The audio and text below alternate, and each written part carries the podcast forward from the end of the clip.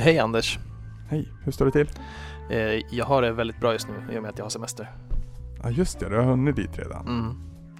Det, är, det är väldigt ovanligt. Det är första gången jag har egentligen betald semester. Typ. Hade, Det är en speciell känsla. det är en väldigt speciell känsla. Hur, långt, hur lång semester har du? Fyra veckor. Gud vad skönt. Ja. Det är bara har andra ord. precis bara börjat och det börjar väl sjunka in nu att fan det är onsdag. Och här vaknar jag klockan 11, skriver en krönika och spelar tv-spel i kalsongerna. Ja, det är, det är livet på en pinne. Ja, ja det är väldigt skönt. Du är andra på tur i våra sommarpoddar. Mm. Och då har det ju blivit som så att du har ju hört lite hur, Jag hörde hur, eh, hur Tommys lät precis.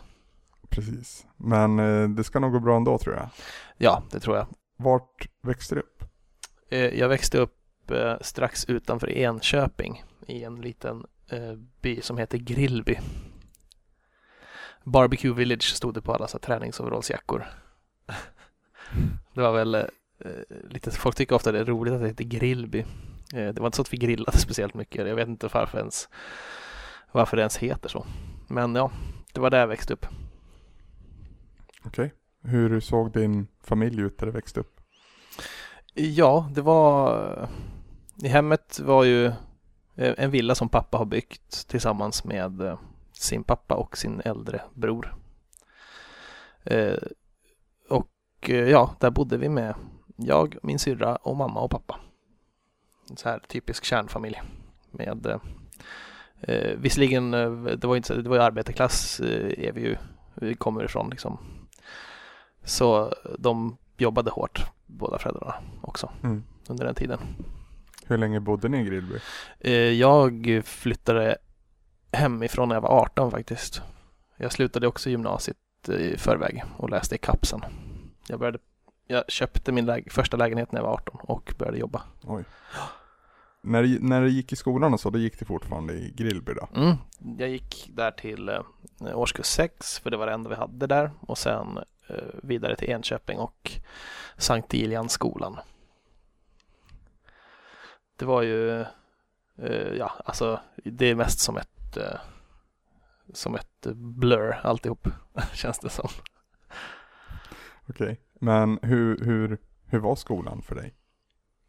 Ja, ehm, det var ju till, till i början så var det ju Jag var ju lite så här, jag var knubbig unge, lite blyg sådär och, och finne, det fick man ju höra. Men ehm, jag hade ju turen, jag var hyfsat bra på sport i alla fall. Jag kunde ju klättra och springa så in i helvete. Så att eh, det var väl det som räddade mig från att vara liksom eh, helt utstött så att säga. Eh, Så jag hade ju kompisar och liksom, det var- inte så här eh, problematiskt på det sättet. Men eh, där ingick ju också att man var ju med i, i, i det, det gänget så det fanns folk som var riktigt mobbade och det, liksom, jag, jag var den som fick skit när de inte hade någon som var riktigt märklig i, i närheten så, där. så jag var typ i, eh, ganska långt ner i the pecking order men inte, inte mobbad sådär. Men du har finskt påbrå. Hur, hur mycket finne är du? Ja, eh, det är en lustig grej det där. Man vet inte vad man ska svara när folk frågar var man kommer ifrån eller sådär. Det beror ju på Det beror på vem som frågar och liksom vilket sammanhang det är och vad man förväntas svara och sådär. Eh, Så ju mer man tänker på det så handlar det om andra saker än geografi också. Men jag skulle vilja säga att jag är finne, antar jag. Båda mina föräldrar är 100% finnar och flyttade hit på 60-talet. Så det är en jättestor del av, av vem jag är. Även om jag är svensk medborgare och liksom bott här hela mitt liv så, Mm. så är man ändå finne. Eh, Men man är varken eller snarare. Man är Sverigefinländare. Det är väl det man på riktigt kan vara i, när man är andra generationens invandrare. Så att säga. Men jag har ju faktiskt makten att välja, välja vart jag kommer ifrån i sådana här situationer där folk frågar mig. Det finns ju de som liksom inte kan eh, eh välja var de kommer ifrån om de, om de heter Mohammed eller Abbas eller vad det nu kan vara. Så då är de ju eh, uppenbart inte svenska i de flestas ögon sådär. De är rasifierade på ett annat sätt. Jag kan ju faktiskt säga att jag är svensk eller finsk och folk godtar det så att säga. Eh, men det är väl att man tänker mycket kring, kring vem man är, nationalitet och etnicitet och allt sånt där. Det är ju det är jävligt komplicerat. Jag tycker inte om sådana där labels. Nej. Det är jävligt komplicerat, det borde vara Facebook-status. Mm. Precis, var kommer du ifrån? Det är jävligt komplicerat kan man skriva. Eh, om vi stannar, om vi går tillbaka till skolan. Mm. För när man har passerat låg och mellanstadiet så, så kommer man ju då till högstadiet och då sa du att du bytte skola. Mm. Hur var det? Det var där det tog vändningen på något sätt till, till att bli den jag är idag. Alltså det började väl där kan man säga. För att när, eftersom jag var del av det här sportgrabbgänget så var det mycket liksom, vi, vi spelade fotboll mycket. Eh, jag stod i mål i fotboll, var rätt bra på det. Och sen så fortsatte det till att vi, ja, hängde ihop, skulle skaffa moppe och allting sånt där. Men det var i hela den smeten som jag märkte att det, det är någonting lite jobbigt med det här eh, tuffa grabbgänget. Sportgrabbarna och sånt där. På vilket sätt var de tuffa? Eh, de, de, alltså, hierarkin är rätt tydlig i sådana skolsituationer. Eh, vem som är det tuffa gänget och vilka som är mobbade och allt det däremellan. Jag har varit elak mot, mot folk också för att jag inte ville förlora min plats i pekingordern. Liksom. Och det var väl där det tog en vända. Mm, liksom, att jag märkte att det, det är inte så jävla snällt att vara elak mot människor. Vem fan är jag att vara elak mot folk? Jag tror att många inte har börjat tänka så överhuvudtaget efter det. Men, men det hände rätt tidigt.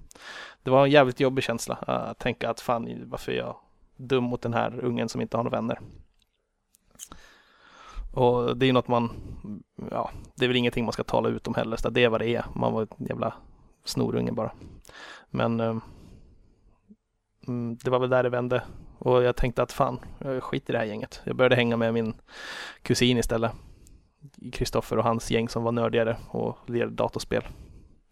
Eh, lika mycket som jag gjorde på fritiden också. Så, så började vi göra mycket roligare och skönare saker där, ingen, eh, där det inte ingick att man kallade varandra för bögjävel och sånt där. Det var därifrån jag medvetet på något sätt slutade bara. Det var liksom fuck you åt dem. Och då fick man skit för det. Man slutade, man blev en, mer och mer en tönt. Ser du dig själv som en tönt idag? Ja, stolt. Stolt tönt. Det är fint att vara tönt. Visst är det mm. Men under högstadiet mm. så, så händer det ju andra saker med en. Du nämner här att det liksom, du hittar dig själv lite grann. Mm. Men eh, om, vi, om vi liksom går till någonting så fundamentalt som puberteten. Mm. Hur var den delen av din uppväxt? Ja, det var precis där lite innan och i, i puberteten som jag, som jag just valde att dra mig från eh, sportgrabbgänget till nördarna. Så det innebar ju den här utfrysningen på något sätt. Det märktes i slutet på grundskolan liksom och framförallt sen när man kom upp i gymnasiet också. Jag var rätt sen i puberteten.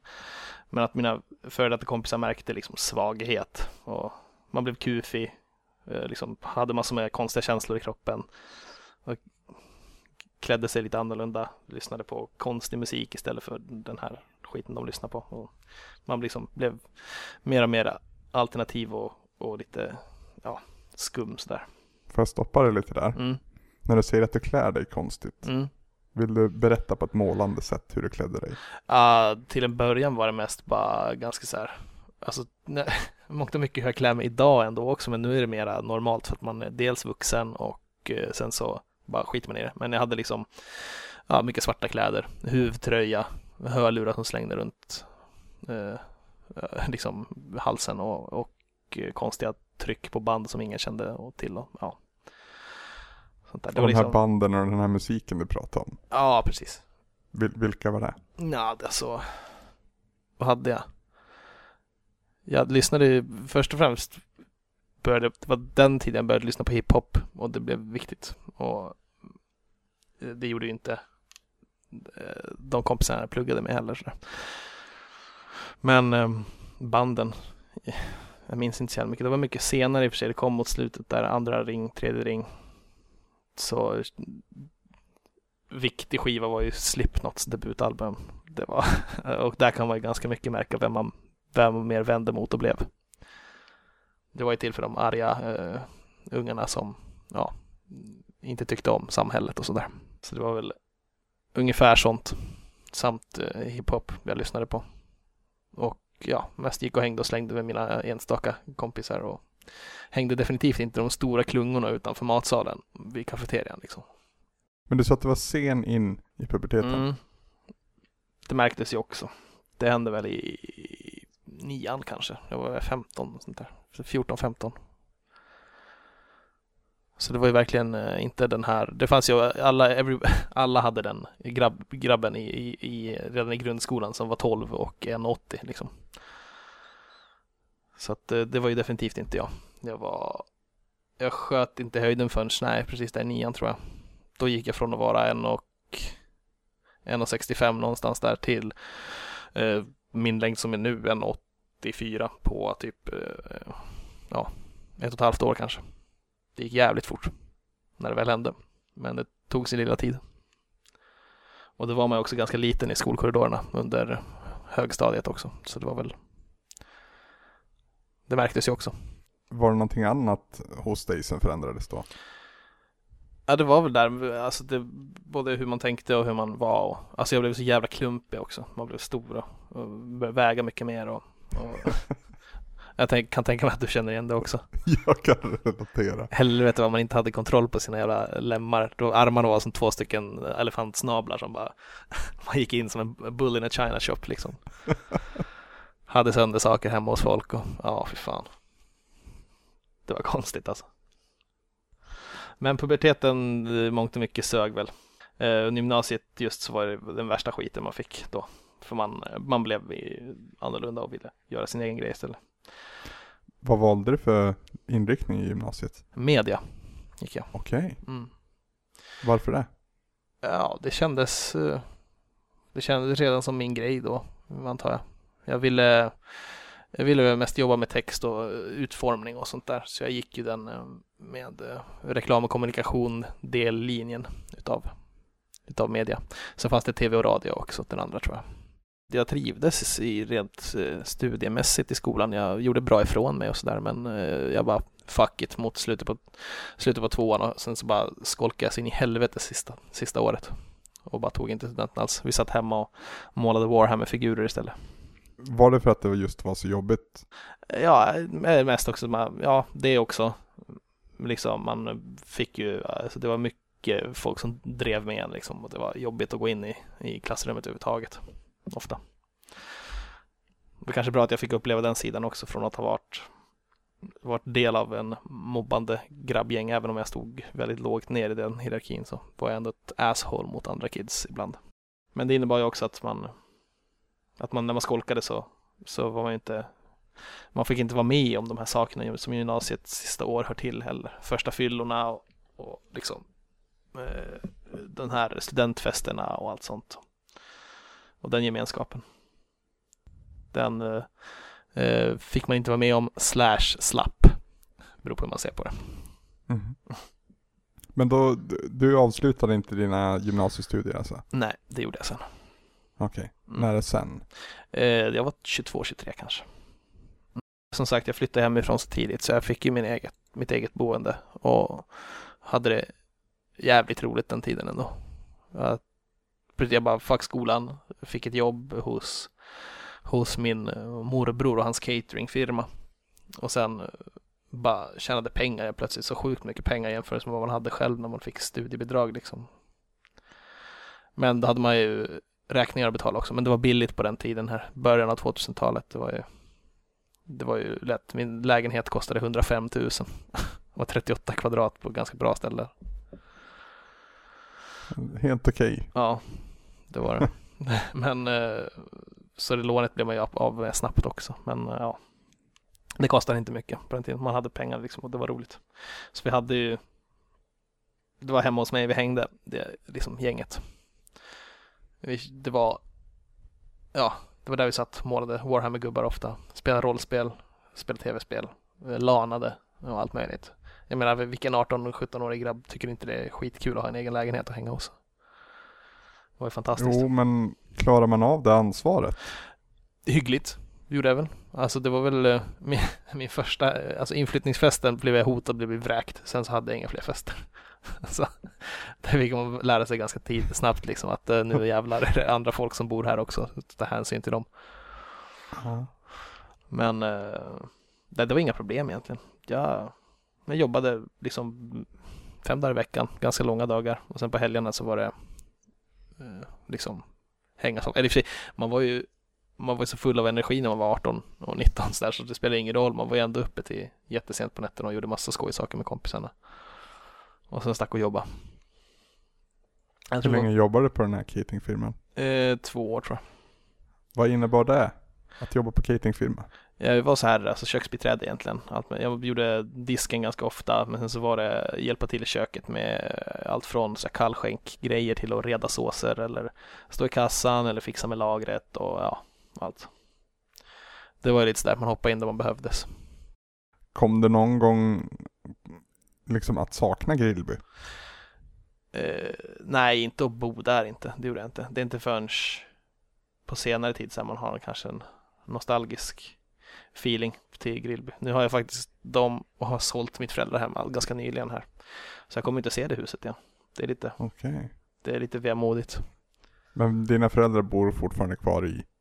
Äh, mamma, bor i, mamma bor i Enköping nu. Men pa- pappa har flyttat till Finland.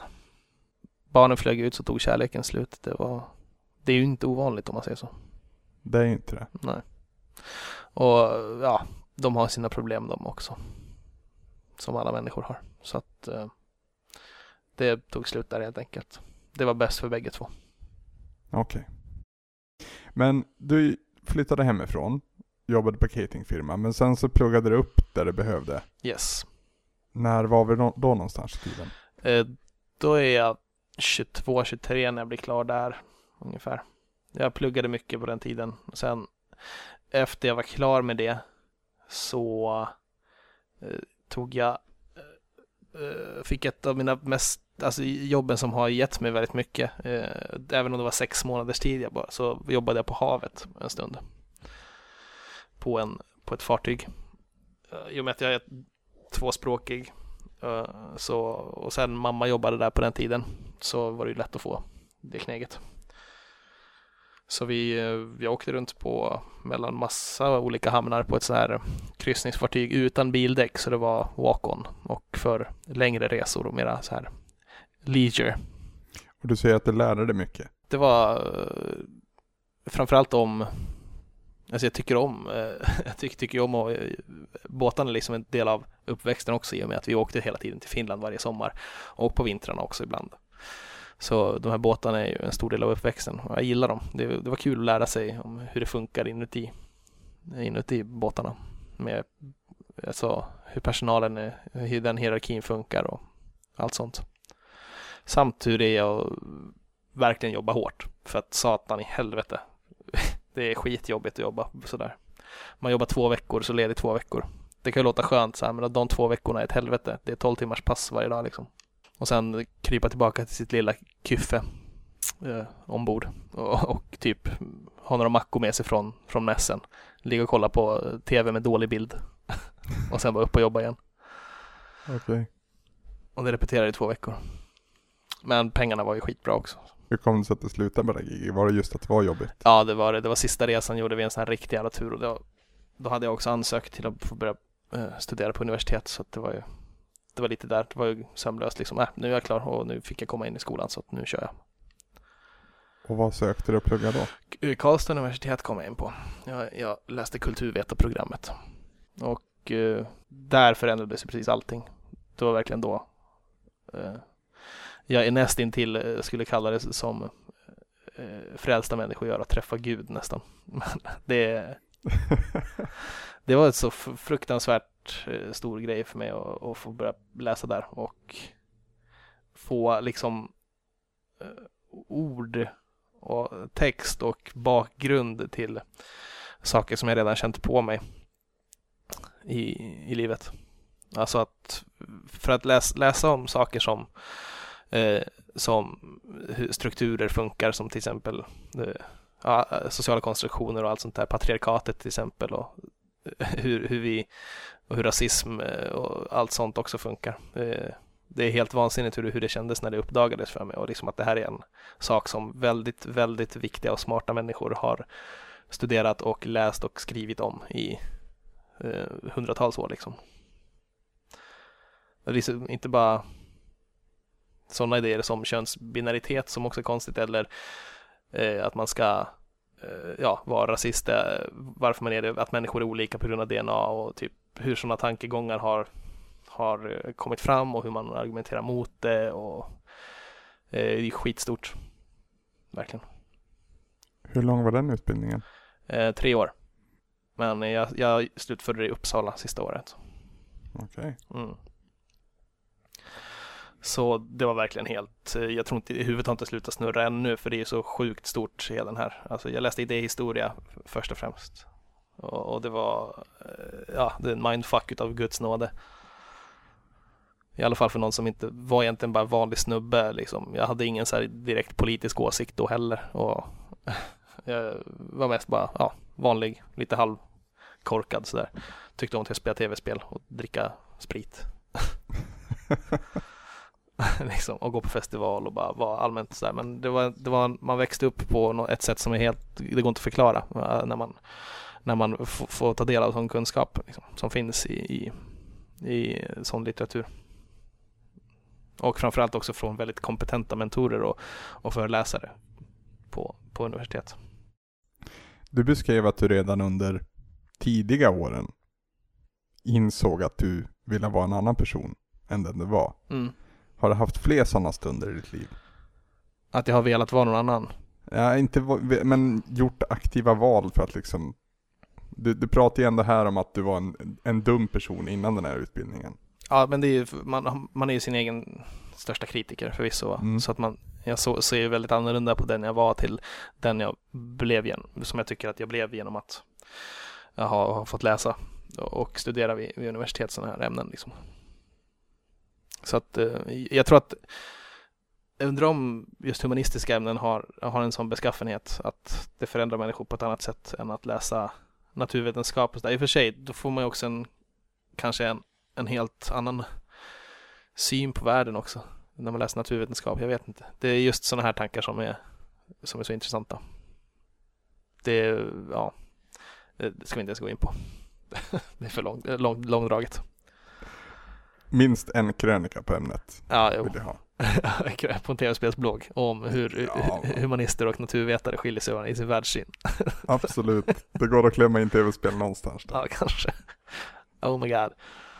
Om vi går in på ämnet tv-spel. Mm. Du har nämnt det flera gånger här under din, dina inledande år, men hur, hur stor del av, av dig har tv-spel varit och hur stor del är det idag?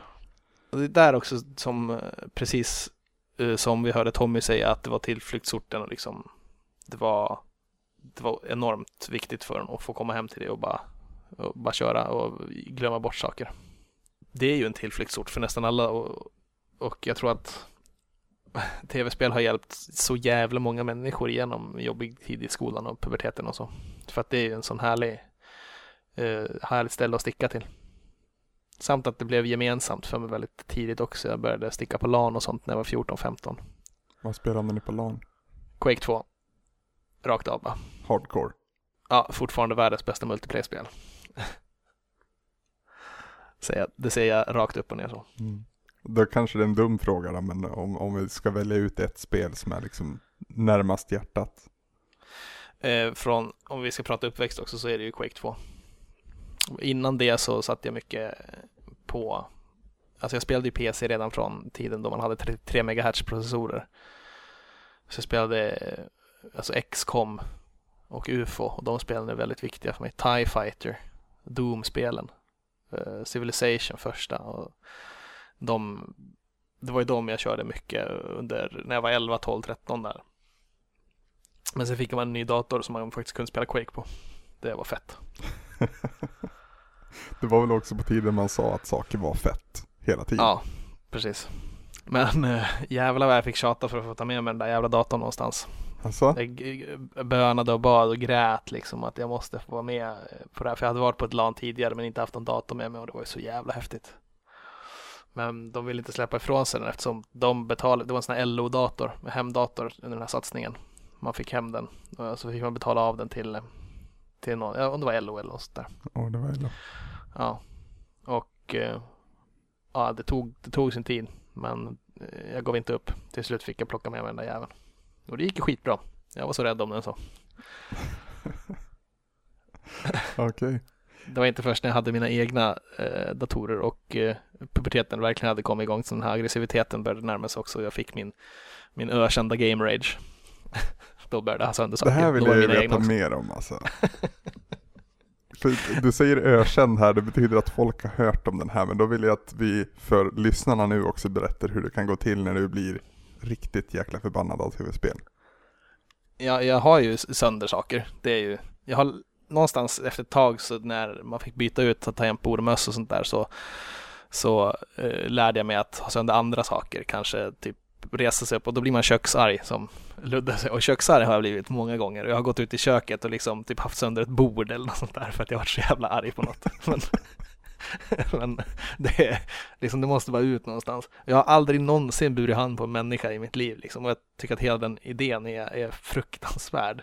Men bara ilskan vill bara ut på döda ting istället som det är nästan så jag vill göra illa mig själv på att slå i väggen liksom så att det är bara någonting. Ja.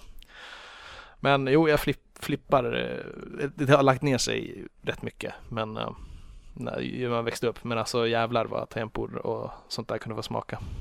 Herregud. Jag har karatat sönder en, en sån här du vet utdragbar sak man ska ha musen på på ett sånt där ergonomiskt eh, skrivbord.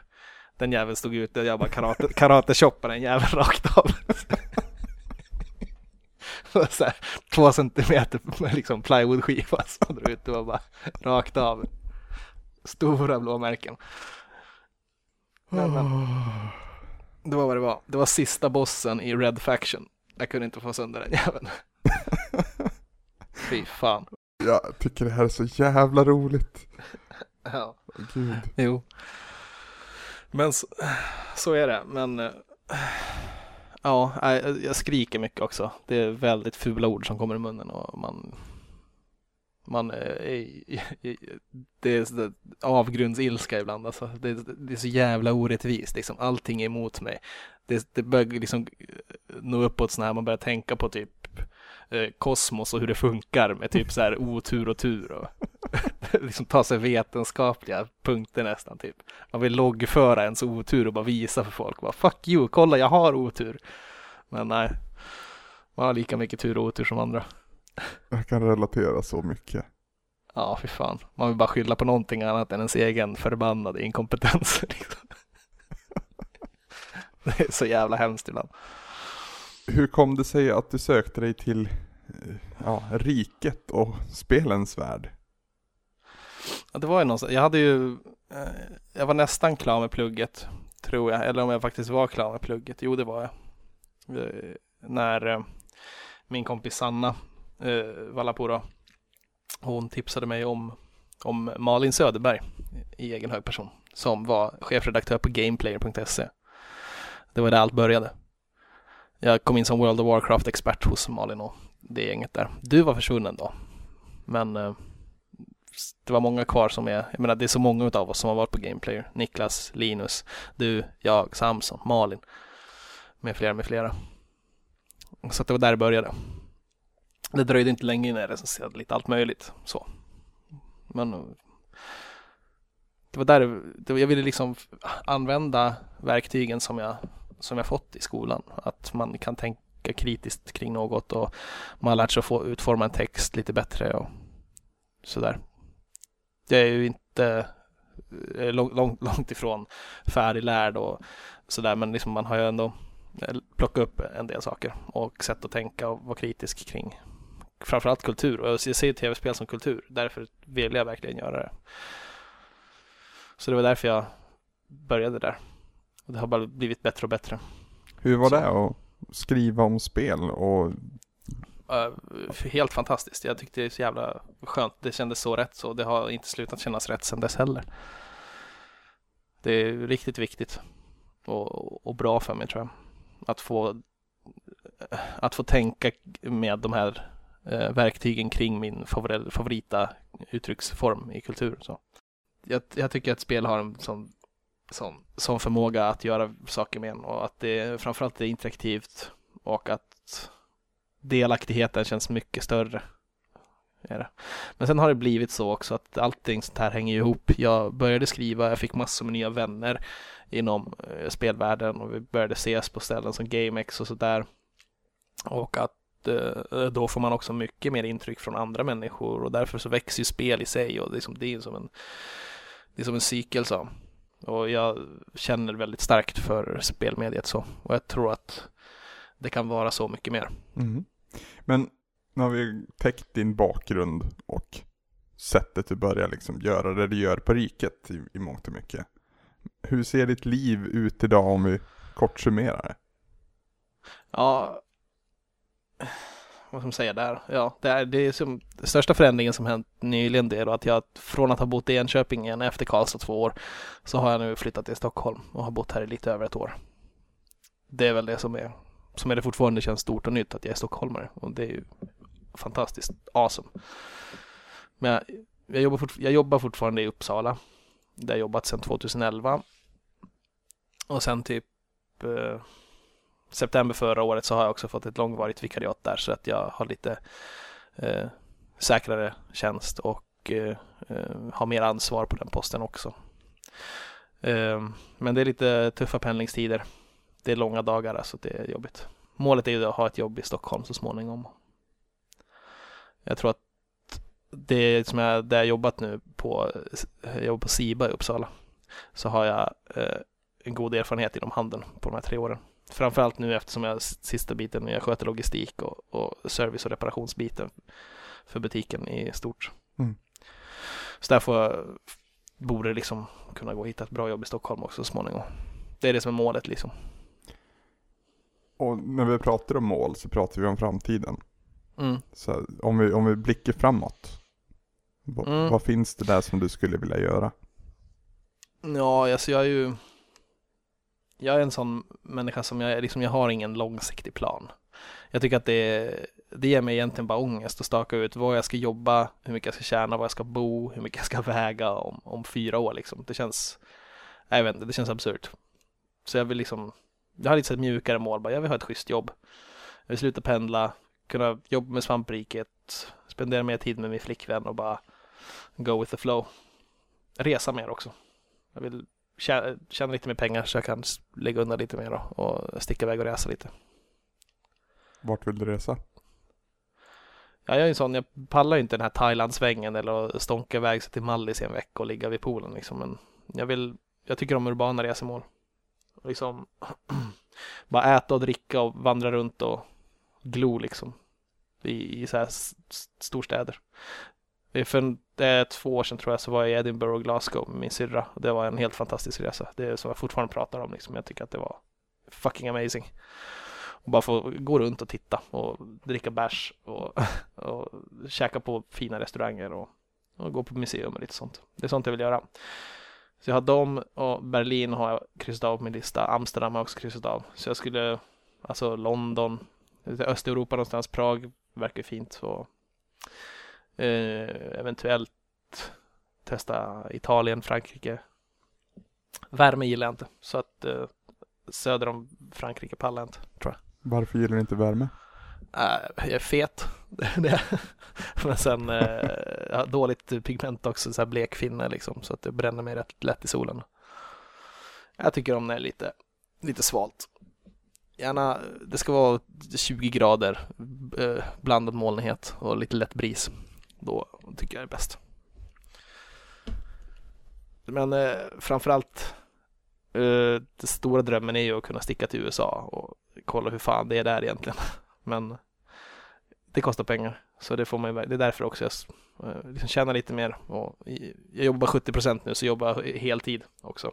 Så blir det så. Så det är väl ett mål. Ett, det enda kanske riktiga målet jag kan säga att jag har är att kunna sticka till fucking US of A koda läget. Du har ingen sån här bucket list? Eh, så här, det här måste jag göra innan jag är klar? Nej, inget, inget som jag skrivit ner. Men det är klart det finns massa saker man vill eh, testa och göra och se innan. Exempelvis? Ja, just re resan där, det är ju sticka till ja, New York och LA och kolla dem. Kanske andra städer också. Eh, fan mera då? Det är svårt, alltså det är så situationsbaserat också. Det är väl när man pratar om olika saker så jag vet inte, Japan vore coolt. Om vi bortser från resandet. Ja. Alltså jag är ju som sagt inte en listmänniska så som skriver ner sådana saker. Eller har dem i huvudet där. Det är sånt som dyker upp när man pratar om det. Ja just det, det vill jag göra. Ja just det, det jag är lite så spattig i huvudet antar jag. Att uh, hjärnan fungerar mycket så på olika input. Om någon säger något ämne så, så kan jag kanske börja tänka på det. Men annars är det svårt att börja någonstans. Du nämnde att du vill jobba med riket. Mm. Om, du, om du ser oss som ett kollektiv och vart ser du oss om några år?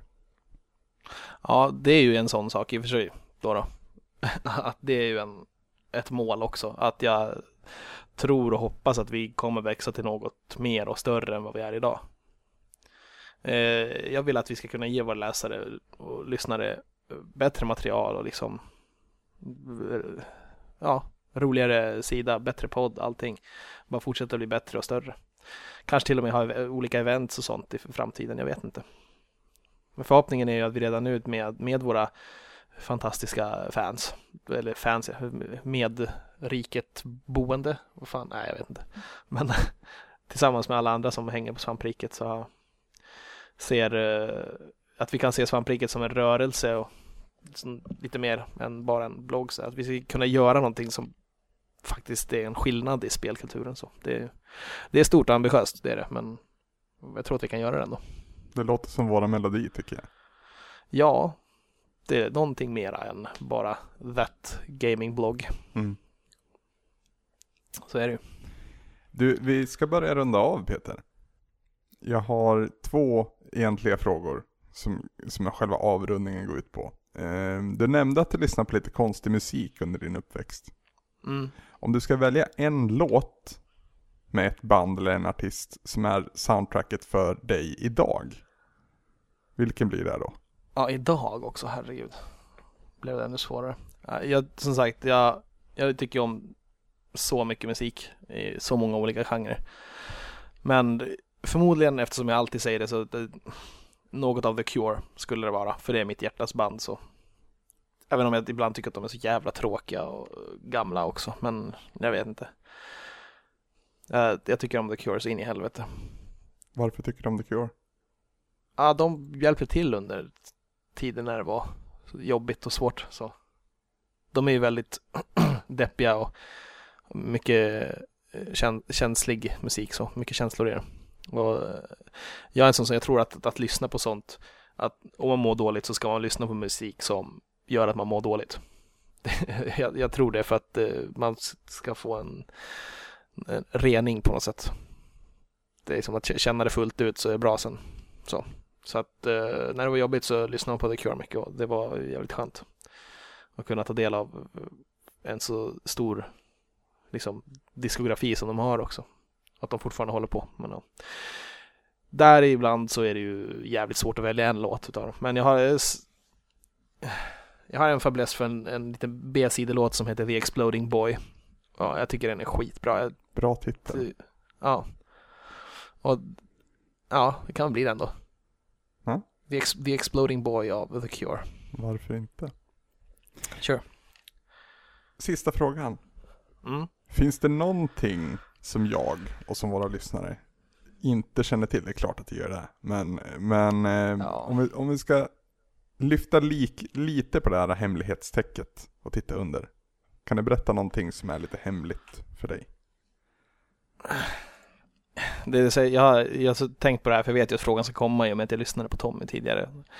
Men jag har ingen aning om vad jag ska säga här som inte är liksom upprörande eller skitkonstigt. Samtidigt som det är lite, jag vill ändå att det ska vara lite spice i det. Ja, och, alltså upprörande och skitkonstigt, det gör absolut ingenting. Ja, Alltså det, här, det är lite cop-out, men jag tycker det är en lite rolig historia och som jag kanske egentligen inte får berätta heller. Men eh, när jag jobbade, när jag jobbade på, på det här fartyget så eh, angjorde vi ju eh, Sankt Petersburg ibland. Vi, från Helsingfors till Sankt Petersburg gick vi. Mm. Och eh, ett, hälften av mina arbetsuppgifter ombord på fartyget var i praktiken att gå till det ryska tullverket med mutor. Och det är liksom så det funkar där och det är bara en del av kulturen antar jag. Men uh, man skulle grease the wheels så att säga. Så varje gång vi la an så gick jag med en sån här stor vagn laddad med mackor, frukt, och juice och så här fikabröd och skit och gick raka spåret till tulltjänstemännens kontor med För de hade liksom gjort det klart för, för kaptenen och liksom ledningen ombord att eh, eh, det blir mycket enklare för alla finnar att få komma in här med passkontrollen och allting sånt. Så det blir mycket enklare om ni bara bjussar på något. Så det var det de valde att bjussa på. Och jag man hade så tunnelseende när man kom dit. Det, var, det kändes så jävla konstigt att ha den, eh, när man är, har en helt annan så här, syn på laglighet och så vidare och komma dit med det. Att vi hade, det står liksom så här korpulenta ryska gubbar och eh, kvinnor med väldigt allvarliga ansikten som bara hälsar privet och spatsiba tackar, klappar mig på axeln, så här liten 23-årig grabb. Så kommer med deras fetaste morgonfika någonsin varje gång vi kommer dit. De gillade mig men jag hade liksom svårt att tänka på saker på annat sätt. Det var Ska jag kört den där jävla vagnen nerför kajen så hade våra resenärer blivit typ, jag vet inte. De hade fått fastna ordentligt i tullen, kanske fått muta folk själv, jag vet inte. Lite tråkigt men uh, det är en sån hemlis som vi hade det. Vi skulle inte säga så här, vi bara går med det här. Det är typ, är det mutor? Bara, ja, ja, yeah. De vill bara ha mackor. Ja, ja. Fine. Såg ingen betalning någonstans som fattade vad det var. Kände du dig smutsig efteråt? Lite sådär. Det var, fast ja, ska man grease the wheels så ska man. Det är bara del av kulturen. Jag, jag tycker det är schysst. De hade så jävla mycket mat ombord egentligen. Så här efteråt är det roligt, men det var lite läskigt att gå dit. Jag fick jag helt själv gå dit och bara typ knacka på någon stor jävla ståldörr. De bara berättade vart det var någonstans. Jag bara, uh, uh, kommer jag bli skjuten snart? det var lite lustigt. Mm. Så jag hoppas att god har det som en, eh, något som man inte vet. Absolut. Ja. Tack för att du delade med dig av den. ja, nej, det var inget speciellt. Det var, var surbänkt eller vad var det? den var grym också. Ja, den satt långt in i den också. Det blir intressant vilka hemligheter som förtäljs här under sommaren. Ja, det, det finns ju saker som man inte berättar för någon nästan, men det, så personliga ska vi inte bli. Det är det jag hoppas på, men vi får ta det en annan gång då Peter. Ja, ja, ja, visst. På tummen hand så där kan vi snacka om vad som helst, men nu är det en del som lyssnar. Ett par stycken. Du, jag hoppas att du har en fortsatt skön semester.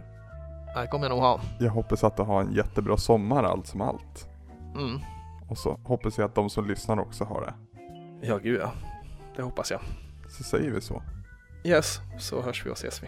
Hej då Peter. Hej då Anders.